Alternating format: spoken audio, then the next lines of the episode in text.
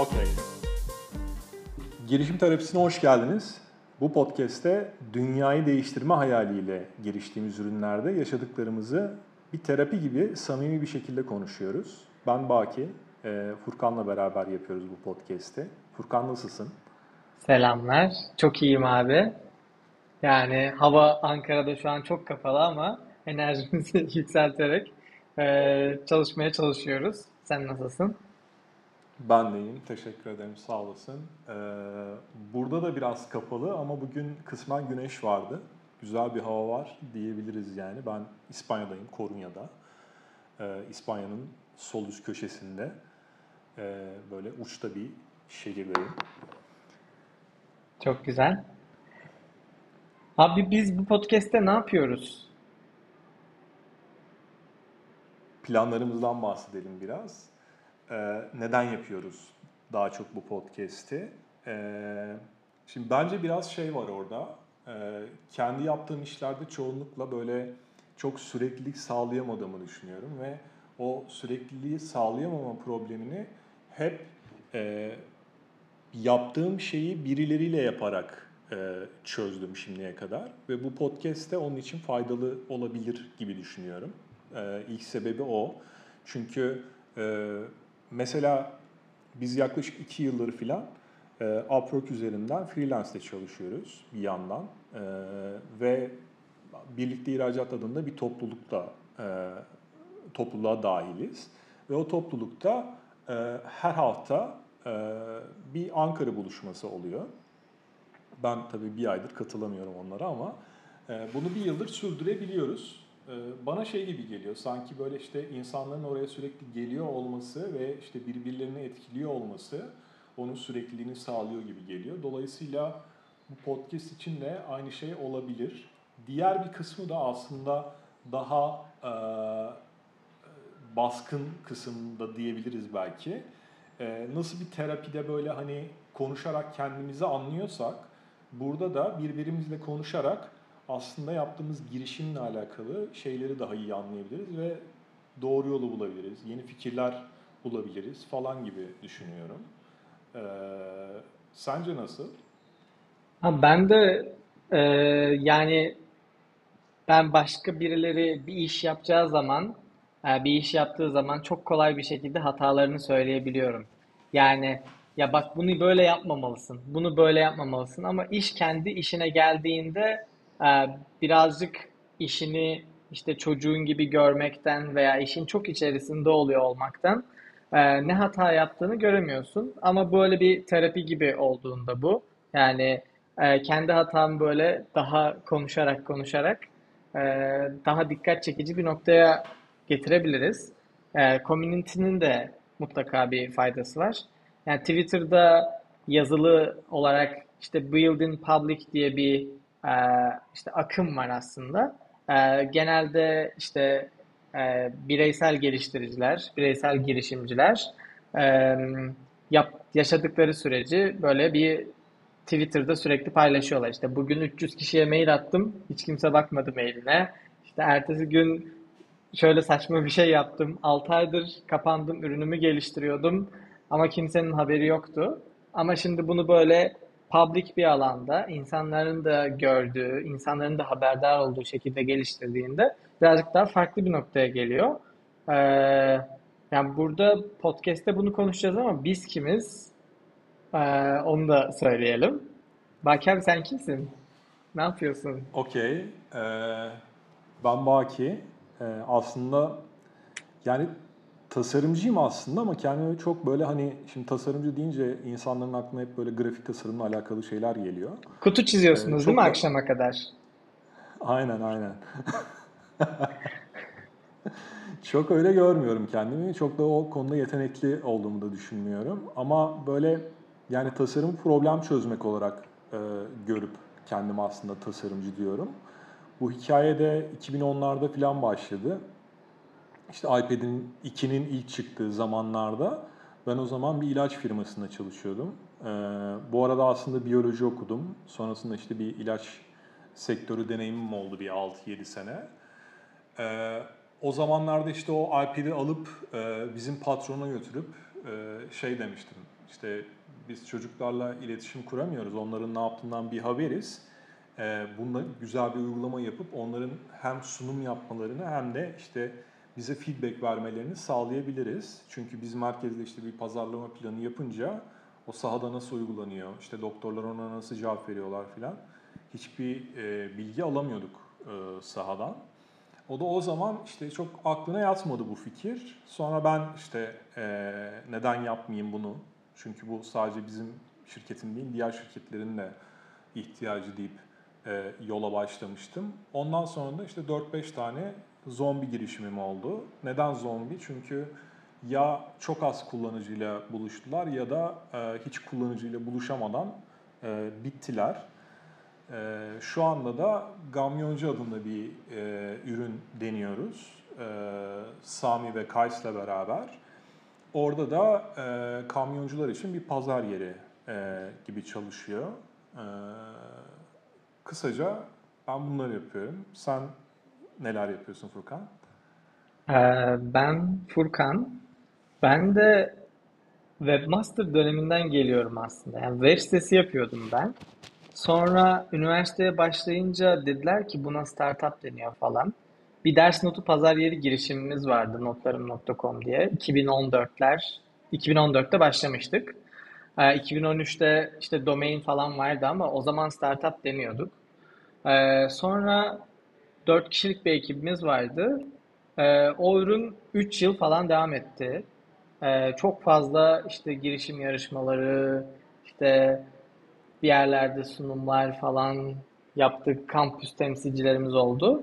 Ee, ve o zaman işte tasarımcı bir arkadaşım vardı. Ona bir şeyler çizdirmeye çalışıyordum. Yazılımcı birisi vardı. Ona bir takım kodlar yazdırmaya çalışıyordum ve e, bir noktada ya web sitesini ben yapabiliyorum ama WordPress biliyorum işte o zaman. E, ama daha işin içine girmek gerekti ve e, yazılım geliştirmeyi öğrendim. E, tamamen kendi problemimden kaynaklı. Alaylı bir yazılımcı oldum. Akşama kadar div ortalıyorum. Senin kutu çizdiğin gibi abi.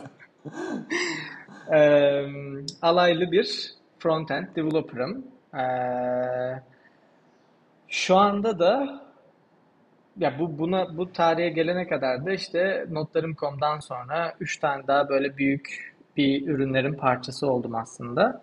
Ee, sonra e, şu anda da son bir yıldır e, B Studio adında bir e, ürün geliştirme şirketim var. E, onun içerisinde ana ürünümüz 100 Biolink'i geliştiriyoruz. Muhammed, Ezgi ve Bediran'la beraber yapıyoruz bunu. Ankara'da yaşıyorum. Ee, evet, Süper. Herhalde. 100 Biolink demişken e, ne yapıyor abi 100 Biolink? Nereden um, çıktı? Abi 100 Biolink'i ben bundan 3 yıl önce e, başka bir e, girişim fikri ararken notlarıma yazmıştım aslında. O zaman Linktree diye bir platform olduğunu biliyordum ve e, ya boş kaldığım bir ara yapacağım ben bu ürünü. Yani influencer pazarı büyüyor. Influencer pazarı gelecekte de daha da büyüyecek. E, bu pazara bir şekilde giriyor olmamız lazım ve işte Linktree güzel bir giriş noktası aslında. E, Linktree e, insanların sosyal medyada daha e, sıkı bağlantıda kalmak kalmaları için e, bir e, BioLink aracı aslında. Yani bir tane linkiniz oluyor ve diğer linklerin tamamına e, bundan ulaşabiliyorsunuz. E, bu fikri neden bu fikir? E, çünkü yapması çok kolay dedik. E, hızlıca pazara çıkabiliriz. Daha önceki Hı-hı. girişimlerimde 6 ay, böyle 8 ay hiç müşteriye gitmeden sadece mühendislik yaptığımız dönemler oldu. Ve bu sefer 2 ayda ürünü bitireceğiz. Hatta o zaman 1 ay diyordum. 1 ayda bitmedi tabii ki. Ee, o yüzden 100 bir ürün aslında yapması kolay olduğu için başladığımız bir üründü ve bir sonraki noktası da hep böyle influencer e, marketing platform olmak. Yani e, o unicorn'a gidebilecek bir noktadaki fikrin ilk aşaması olarak kurgulamıştık. Ee, seni çok tatmin okay. etmedi galiba. Yani bu abi. biraz şey gibiydi değil mi? Yok canım öyle şey olur mu? ee, ben biraz şey gibi hatırlıyorum aslında hikayede e, vakıf olduğum için. e, sanki böyle hani 100 biyolinkle başlayacaktı o hikaye ve sonra işte e, her ay belki veya iki ayda bir başka bir ürün üstüne koyarak gidecekti aslında. Yani e, buna ne deniyor? Yatay büyüme mi, dikey büyüme? Ha, E, hangisi oluyor seri bu? girişimcilik diyorlar işte. E, Yani 12 ayda aslında 12 şey ama tane mi? ürün yapmak. Yani feature geliştirerek ürünü büyütmüyorsun. Yeni ürünler geliştirerek böyle sanki yatay gibi Evet, yatay. e, olabilir yani. Evet. Biraz da ben bahsedeyim. E, Gamyoncu nasıl çıktı, ne yapıyoruz, neler e, oldu bu hikayede. Bizim de yaklaşık iki sene oldu. Böyle deyince e, insan bayağı bir şey yapmışlardır herhalde diye düşünüyor ama çok da bir şey yapamadık aslında. Bizimki de benzer bir kargıya sahipti ilk başlarda. Biz de böyle hızlı bir şekilde çıkıp e, bir an önce e, son kullanıcıyla e, buluşup ondan sonra ürünü geliştiririz diye düşünmüştük ilk başlarda. Çünkü ben de benzer bir şekilde e, şey diye düşünüyordum. Yani işte bir sürü ürünü aslında yolda işte dedim ya zombi girişimler yaptık ama işte bazısı hiç şey yapmadan, müşteriyle buluşmadan, kullanıcıyla buluşmadan öldü. E, orada işte ölmemek için hızlı bir şekilde çıkalım diyorduk. Orada da öyle yaptık aslında. Yani herhalde bizim de bir iki üç ay falan sürmüştür. Bir mobil uygulamadan bahsediyorum bu arada ve e, problem şuydu çözmeye çalıştığımız. Benim işte ortaklarımdan e, biri olan Sami e, bir enerji şirketinde çalışıyor. Bir gün dedi ki bana e, ya dedi bizim de dedi çok kamyon ihtiyacımız oluyor ve bu bunların pazarı Facebook'ta dönüyor. Facebook ilanlarını e, işte okuyoruz her gün ve bir sürü ilan var. Günde yaklaşık işte 300-400 tane ilan veriliyor her grupta. Ve o ilanlarda böyle teker teker işte bize uygun hangi araç e, onu okuyarak filtrelemeye çalışıyoruz. Biz bunu filtreleyebilen bir sistem yapsak aynı şekilde çok kullanışlı olurmuş E, ben de Aa, ne güzel basit bir fikir yapalım bunu diye başlamıştık. Ee, Şimdi de hakikaten öyle bir ürüne sahibiz. Yani mobil uygulamada basitçe işte ilanlar var ve o ilanları filtreleyebiliyorsun. Ve biz ona ek olarak bir de işte bildirim özelliği getirdik. Onda da işte sen eğer e, Ankara bölgesinden çıkan ilanlar hakkında bildirim almak istiyorsan onu seçiyorsun ve sana öyle bir ilan geldiği zaman bildirim geliyor falan şeklinde basit bir uygulamamız var. Bunu yaptıktan sonra böyle belli bir süre şey ağına düştük.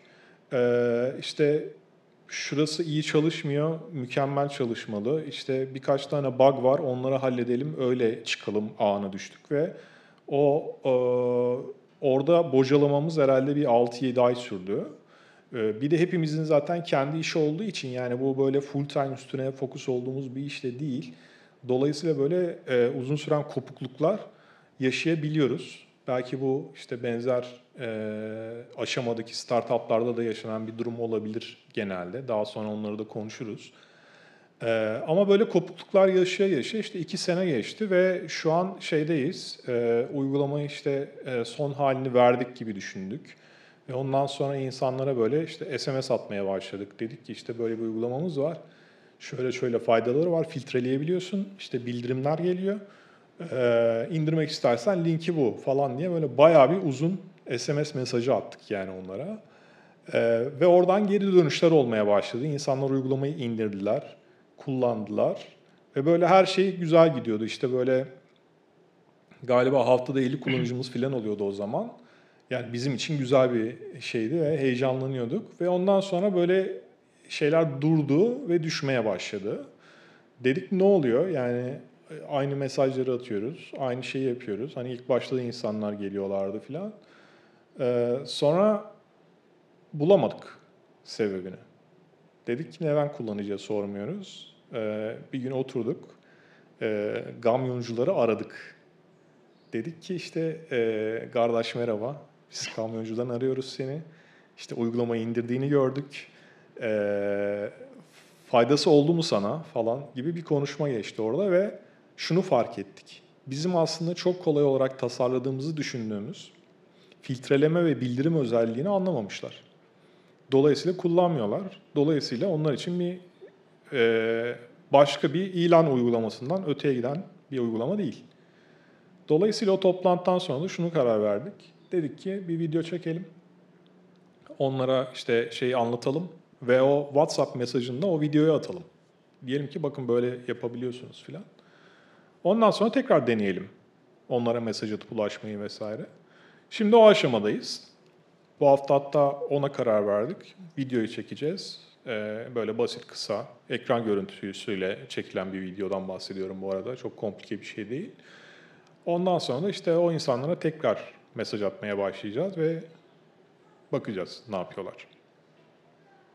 Süper abi valla kolaylıklar diliyorum yani kamyoncularla Eyvallah. uğraşmak çok kolay olmasa gerek. Ee, Ben de bizdeki aktif durumdan bahsedeyim. Ee, tam yani bir yılı geçti e, 100 Biyolink'e başlayalı. Ee, bizde işte her gün 15-20 kullanıcı arası organik geliyor. Ee, biz böyle yeni kullanıcı edinmek için yani son belki 6 aydır hiçbir çalışma yapmıyoruz. Ee, blog içeriği yazıyoruz. Google'dan organik trafik alıyoruz. Ama e, SEO'muz da çakıldı yani. Şu an hiçbir şey gelmiyor. Yani grafik böyle tam ters noktaya geri döndü. SEO öyle bir şeymiş yani. Birazcık eee, can sıkıcı olabiliyor. Yani grafik hep yukarı doğru gidiyordu. Her gün çok fazla kullanıcı geliyordu. İşte free tool'lar geliştirmiştik. Onlara gelen trafiği işte hesap eee, yeni kullanıcıya eee, çevirebiliyorduk. Şu an orası birazcık yavaş gidiyor. Eee, ama eee, bir tane geçen hafta kurumsal bir müşteriyle konuştuk ve eee, aslında bizim ürünün enterprise gidebileceği bir noktayı e, yakaladık gibi. Ee, Aa, ve orada Instagram Grid özelliğini işte geçen hafta yayınladık. Daha kullanıcılara haber vermedik ama e, şu an böyle çok deneme aşamasında ufak tefek e, insanlar deniyor. E, bir o özelliği yayına aldık. E, çok yakında duyuracağız onu da böyle. E, bir de işte bizde kurumsal link kısaltma uygulamaları var. İşte genelde firmaların e, böyle bir sürü e, linkleri oluyor ve onları işte genelde bit.ly ile kısa, kısaltıyorlar. Biz de orada hı. zaten biz link çözümü sunuyoruz. Link kısaltma servisimiz neden olmasın dedik.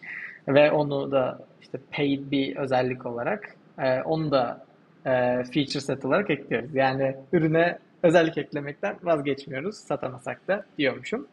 E, Şimdi şeyi anlamadım ben. Bir saniye biraz bölerek gideyim. Ee, kurumsal bir şirketle görüştünüz. Görüşmenin amacı şey miydi? 100 Biolink'i onlara satmak mıydı? e, evet satmaktı. Hangi sektördeler onlar? Şey mi? Ajans mı? Emlak Kurumsal şirket. sektöründeler. Aa süper. Aynen. Ya çok farklı çözümler ürettik aslında. Toplantı böyle çok dolu dolu geçer diye düşünüyordum. Ee, Her sa- konuştuğumuz özelliği satamadık ama e, yine yani hemfikir olduğumuz bazı konular oldu ve onlar çok muhtemelen böyle diğer enterprise'larda da çalışacak şeyler. Öyle olunca Eylül ayı ile ilgili ya hem bu özellikleri bitirelim hem de 100 Link'in tasarımında insanların böyle patladığı bir nokta vardı. Bizde dört adım var ama ee, insanlar ikinci adımdan başlayıp hiçbir zaman birinci adıma geri dönmüyorlar. Böyle bir problem vardı. Bunu çözebilmek adına işte böyle adım adım bir yapı O adımlar getiriyoruz. neler bu arada?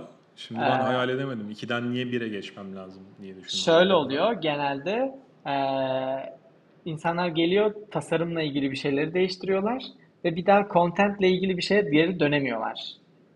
Ee, Hmm. böyle bir sorun var ve işte üçüncü adım zaten hiç kimsenin gelemediği bir yer. Ee, dördüncü adım yani gelen gerçekten çok az. Yani neden buna tıklayalım gibi bir nokta da var orada. Ee, şimdi orayı böyle 1, 2, 3, 4 diyoruz. İşte birinci adım bitirdiyse ona böyle bir e, bu, bu adım bitti kardeşim hadi ikinci adıma devam et gibi bir tasarım değişikliğine gidiyoruz. Eylül ayı içerisinde 100 Biolink'teki hataları çözüyoruz. Yeni özellikleri yayına alıyoruz ve 100 Biolink'i geçen sene Kasım'da biz Product Hunt lansmanı yapmıştık. Ya bu sene işte Ekim'de böyle tekrardan eee, işte 100 Biolink versiyon 2 dediğimiz yeni özelliklerin olduğu böyle ürünün daha da bitmiş diye kabul ettiğimiz bir anına getirip eee, Ekim ayı içerisinde sadece marketing ve satış yapmayı planladığımız bir döneme giriyoruz aslında. Ee, umarım iyi geçer. Şu an tek duam bu yani. İnşallah. İnşallah. Ben de e, aynı dileklerle e, bekliyorum. İnşallah güzel olur her şey. Aynen. Ve şöyle Aa, bir detay da vereyim. Yani biz hı dört hı, kişi çalışıyoruz bu üründe. Ee, iki yazılımcı, iki tasarımcı artı içerik yazarı gibi şey e, bir durum. Ee, hı dört hı. kişi full pazarlama ve satışa giriyoruz. Yani e, yazılımcılar kod yazmayacak gibi bir e, mantalitemiz de var. Yani hata olursa hatayı çözeriz ama yani e, sadece pazarlama ve satış yaptığımız bir e, ay olacak Ekim ayı bizim için. Aa, çok değişik olacak o zaman. Yani ben şey gibi bir cümle bekliyordum aslında işte yani abi işte yazılımcıyız diye pazarlamayla alakalı bir şey yapmıyoruz değil onu da yapacağız gibi bekliyordum ama e, bu hepimiz aslında full fokus pazarlama yapacağız. Değişik olmuş biraz yani. Evet, evet. Bir de şeyi soracağım. Şimdi biraz da şeyden bahsedelim istiyorum. Yani işte böyle e, startuplarda e, enerji düşüyor ya bazen. Yani e, işte sizde bir sene oldu kurulalı. Bizim mesela işte iki sene oldu filan. E, ve böyle hep şey gibi bakıyoruz olaya işte ne kadar paramız var, işte ne kadar para ihtiyacımız var, e, ne kadar sürede yapmamız lazım. Böyle genelde bunlar konuşuluyor. E, yani zaman ve para konuşuluyor ama e, bence galiba bir de konuşmamız gereken enerji var. Yani o enerjiyi nasıl yönetiyoruz? Çünkü şey ya hani başlarken mesela enerjimiz çok yüksek. Acayip hayallerimiz var filan. Sonra böyle cici mayı gibi bir süre geçiyor. İşte her şey güzel gitmeye devam ediyor filan. Sonra bir anda böyle bir anda olmasa da e, bir süre sonra böyle o enerji düşmeye başlıyor. Belki düşmeye başlarken de çok hissetmiyoruz onu. Ama böyle belli bir şeyi geçtikten sonra diyoruz ki abi bir şeyler yanlış gidiyor herhalde filan. Sizde oldu mu öyle bir şey? Evet. Yani ben bunu kendimde çok e, kendimden değil de böyle dışarıdan örnek vereceğim. E, şimdi bize biz ürün geliştirme şirketi olduğumuz için e, bazen şey diye geliyorlar. Bizim böyle bir fikrimiz var, zamanımız var, paramız var, böyle bir iş yapmak istiyoruz diyorlar. Sonra e, işte şey yani o o an e, enerjileri var aslında. Sonra böyle bir iki bakın burası böyle olur, bakın burası böyle olur, bakın burası böyle olur. Üçüncü haftanın toplantısında hadi ya bunları nasıl çözeceğiz? Yani bir en ufak bir problemde aslında enerji düşüyor ve e, yani zaman da olsa, para da olsa işi yapmama ile ilgili bir noktaya gidiyor. Bizde benim en çok zorlandığım konu e, yani enerjimin düştüğü konu bazen bazı haftalar hiç müşteri gelmiyor. Yani hiç support'a yazan yok. Böyle çok ölü gibi bir hafta oluyor mesela. Ee, gerçek ne yapıyoruz biz ya falan oluyorum. Enerjim inanılmaz düşüyor yani. Ee, Güzel bir şey söyledim bence. Ee, hani hep şey deniyor ya işte girişim camiasında işte bir an önce git müşteriyle buluş, bir an önce git müşteriyle konuş. Bunun aynı zamanda işte enerji yükseltici bir etkisi de var. Çünkü işte sen kesinlikle. işte şey dedin yani müşteri geldiği zaman ben işte o enerjiyi bir kazanıyorum veya gelmediği zaman kendimi kötü hissediyorum falan. Gidip konuştuğun zaman da işte ürün nasıl gidiyor, işte kullanmışsın, beğendin mi, işte nasıl kullandın, şunu şöyle yapabiliyor musun falan gibi Ee, bir sohbet gerçekleştirdiğin zaman da e, ben eminim yani onu da çok yaşadım. Ee, oradan bir enerjiyle dönüyorsun çok net olarak. Evet.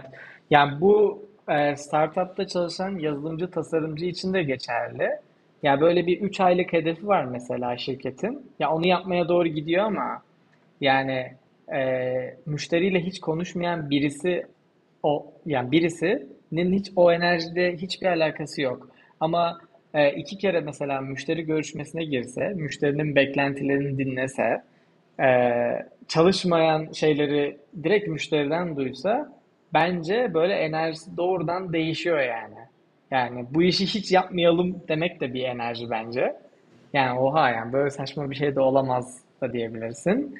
Ama ben onu e, ya Pop-Up Smart'ta da işte çok böyle tecrübe ettim aslında. Yani müşteri diyor ki şurası çalışmıyor ve çalışmıyorsa ben gideceğim. Yani o özelliği böyle çok içgüdüsel olarak yapmak istiyorsun yani. Özellikse özellik, hataysa hatayı fixlemek gibi bir nokta oluyor yani. Bir de potansiyel müşteriyle bazen konuştuğunda bizim bir tane ajans müşterimiz var işte. Ee, genelde gazetecilerle çalışıyorlar. Şimdi geçen hafta konuşuyoruz. Bana diyor ki abi diyor şöyle yapabilirsiniz, böyle yapabilirsiniz, böyle yapabilirsiniz. Yani böyle birazcık da sahiplenen müşteri ki genelde e, böyle oluyor genel müşteriler. E, işi de sahiplendiği için sana ya bak böyle de olsa olur, böyle de olsa da olur diyor ve o da böyle enerjiyi çok inanılmaz yükselten bir konu oluyor aslında. Şimdi hatta şey de diyorsun e, ama bir yandan da şöyle bir şey var ya yani eğer birine bir iş yapıyorsan e, ajans kafasıyla ve o biri e, belli bir noktada aslında çok da bilmediği ve bilmediği için gelip senden hizmet aldığı konularda işte bence şöyle olmalı deyip orada da bir ısrar ediyor ya aslında. Belki o orada da şey olabilir. Yani o enerji düşüşe geçmeye başlayabilir. Evet. Çünkü bir noktada sana şey olabiliyor işte. E, o zaman tamam abi öyle yapalım. Yani madem Ha öyle istiyorsun. buna buna katlanacağın durumlar var. Katlanmak istemediğin durumlar var. Ee, eğer ki işte saatlik ücreti gerçekten tatmin ediciyse müşteri istediğini diyebilir. İstediği özelliği koydurabilir ve istediği zaman ürünü durdurabilir. Hiçbir sorun yok. Yok abi ben ben hiç katılmıyorum ona. Yani saatlik ücreti çok tatmin eden müşterilerim oldu. Ve orada şeyi yaşadım yani işte e, sen de tanık oldun bir tanesi 2-3 ay önce Avustralya'da bir müşteriydi. E, ve orada dedim ki yani şu iş bitse de gitsem yani. Ve öyle bir üründen yani ben böyle hissettikten sonra o üründen böyle güzel bir şey çıkma ihtimali çok kalmıyor. Çünkü şeye dönüyorsun bu sefer. Yani olay sadece para kazanmak değil bence. Yani çünkü işte belli bir süre e, hakkımız var şu hayatta geçirmek için. Ve işte sen bir üründe çalışmaya başladığın zaman çok da az bir süre geçirmiyorsun. Yani benim mesela işte o müşteri için geçirdiğim, geçirdiğim süre yaklaşık 6 ay falan mı? Yani 6 ay insan hayatında bayağı iyi bir süre yani. E, Dolayısıyla geri dönüp baktığın zaman şeyi çok istemezsin yani. Her ne kadar para kazanmış olsan da orada. Yani işte böyle 6 ay süren bir sürü işte boktan ürün de geliştirdim. Demek güzel bir şey değil bence. O yüzden e, bir de biraz onlar galiba şey yapıyor ya bizi girişimci yapıyor. Çünkü orada hep şeyi diyorsun yani yok abi kendi ürünümüzü yapmamız lazım. Net yani. Onu dedirtiyorlar adama. Sana da Evet. oldu mu öyle? Evet. Yani benim daha önceki işte iş tecrübem buydu aslında. Yani böyle hikaye çok güzel gidiyordu ama bir noktada ya ben daha çok karar vermeliyim. Bu hikaye çok yanlış bir noktaya gidiyor dediğim bir noktada eee, girişimci olmak zorunda kaldığım gibi bir şey aslında. Yoksa biz de bilirdik mutlu olmayı. Akşamleyin işten çıkıp eve gitmeyi. Peki şeyi nasıl çözersin? Şimdi e, bir konuda anlaşamıyorsun. Bu dış müşteriyle de olabilir, iç müşteriyle de olabilir. Yani iç müşteri dediğim işte ortaklarınla da olabilir. Şimdi mesela bir üründe bir özellik geliştiriyorsun ve o özellikte sen diyorsun ki abi benim bence bunun böyle olması lazım. O da diyor ki yok abi bence şöyle şöyle o yüzden şöyle olması lazım diyor. Şimdi e, onun sebepleri de böyle biraz havada. Çünkü her zaman böyle sağlıklı bir data bulamıyorsun. Yani bunu işte şu kadar kişi yapmış da bu kadar e, şey olmuş da şöyle şu, şu olmuş da diyemiyorsun. E, 12 de datası havada, benimki de havada ve bir şekilde anlaşamıyoruz falan. Şimdi bu müşteriyle de oluyor. işte kendi ekibindeki insanlarla da oluyor filan. E, Nasıl çözersin öyle bir şeyi? Nasıl çözüyorsun ya da? Abi ikisi birazcık farklı. Ee, iç ekipte olan problemde bence başta yanlış yaptığımız şey sorumluluk. Aslında. Yani bir kişi işte teknik işlerden sorumluysa son kararı o verir. İstişare yine ederiz ama onun dediği olur. Bir kişi marketingten sorumluysa son kararı o verir gibi bir noktaya çekmemiz gerekiyor. Ee, benim işte abimin de kendi şirketi vardı. İşte Portekizli bir şirkete sattı. Ben bu şirketi açarken ilk dediği şey o dedi siz kalabalık ortaklıymışsınız. Birbirinizin alanına hiç girmeyin. Bana bir kişi bir kere konuştuk. Böyle bir şey söyledi. Ee, bana birazcık öyle geliyor. İçerideki konularda. Yani blog post yazalım. Hayır yazmayalım. Okey. Furkan buna sen karar vereceksin. Çünkü bu senin sorumluluğunda. Demek gerekiyor bir noktada. Böyle güçler ayrılığı diyorum buna. Ee, dışarıdaki işlerde de çok yakın zamanda işte iki hafta önce aldığımız bir müşteri var. Ee, yazılım ürünü geliştiriyoruz. Tasarım işi de bizde. Ee, bir komponent kütüphanesi seçeceğiz. Ee,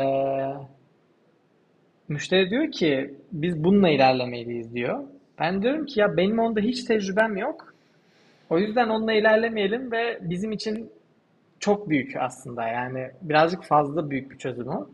Ee, ama müşteri de diyor ki benim bunda tecrübesi olan yazılımcım var. Bununla ilerleyeceğiz diyor. Şimdi böyle bir noktada müşteriyi dinliyoruz. Ama onboarding prosesinde diyor ki işte önce müşteri budget'ı belirlesin diyor. Hayır ya ama bak ben bu işi biliyorum. Onboarding'de böyle olmaz o proses diyorum yani. Çok işi çok ortasından anlatıyorum da. Yani böyle bir hikayede e, müşteri yani e, yazılımını geliştirdiğimiz kişi değil, ürünü kullanacak olan kişiyi düşündüğümüzde orası benim uzmanlık alanım. O konuda ben benim dediğim olsun istiyorum. E, ama birazcık bu karşılıklı anlayışla geçiyor. E, geçen haftaki toplantımızda saydık ve 6 tane mevzuyu çok tartışmışız ve 5'i benim dediğim gibi olmuş.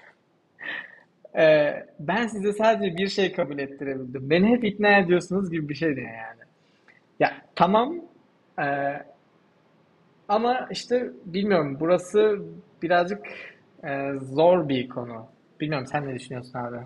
Bence de zor bir konu. Ee, yani iş yazılımla alakalı bir paket seçmeye gelince elbette ki işte yani yazılım kimin sorumluluğundaysa e, onun karar vereceği olması doğru gibi. Ama iş biraz e, iş planı seviyesine geldiği zaman e, ve orada genelde zaten bütün e, ortaklar fikir beyan edebilme hürriyetine sahip olduğu için işler biraz değişebiliyor. Ama dediğin gibi bence bu zor bir konu. E, biz bu podcast'te çok da süreyi böyle yarım saatin üstüne de çıkarmak istemiyoruz. İstersen bu konuyu böyle önümüzdeki hafta e, değişmek üzere e, bırakalım. Ne dersin? Olur abi. Ee, bırakalım. Sadece şunu diyeceğim. Ee, ürünle ilgili kararlar da sonuçta bir uzmanlık alanı değil mi? Diyeceğim. Cevap verme. Tamamdır. O zaman haftaya görüşürüz. Ee, dinlediğiniz için teşekkürler. Ee, görüşmek üzere. Görüşmek üzere.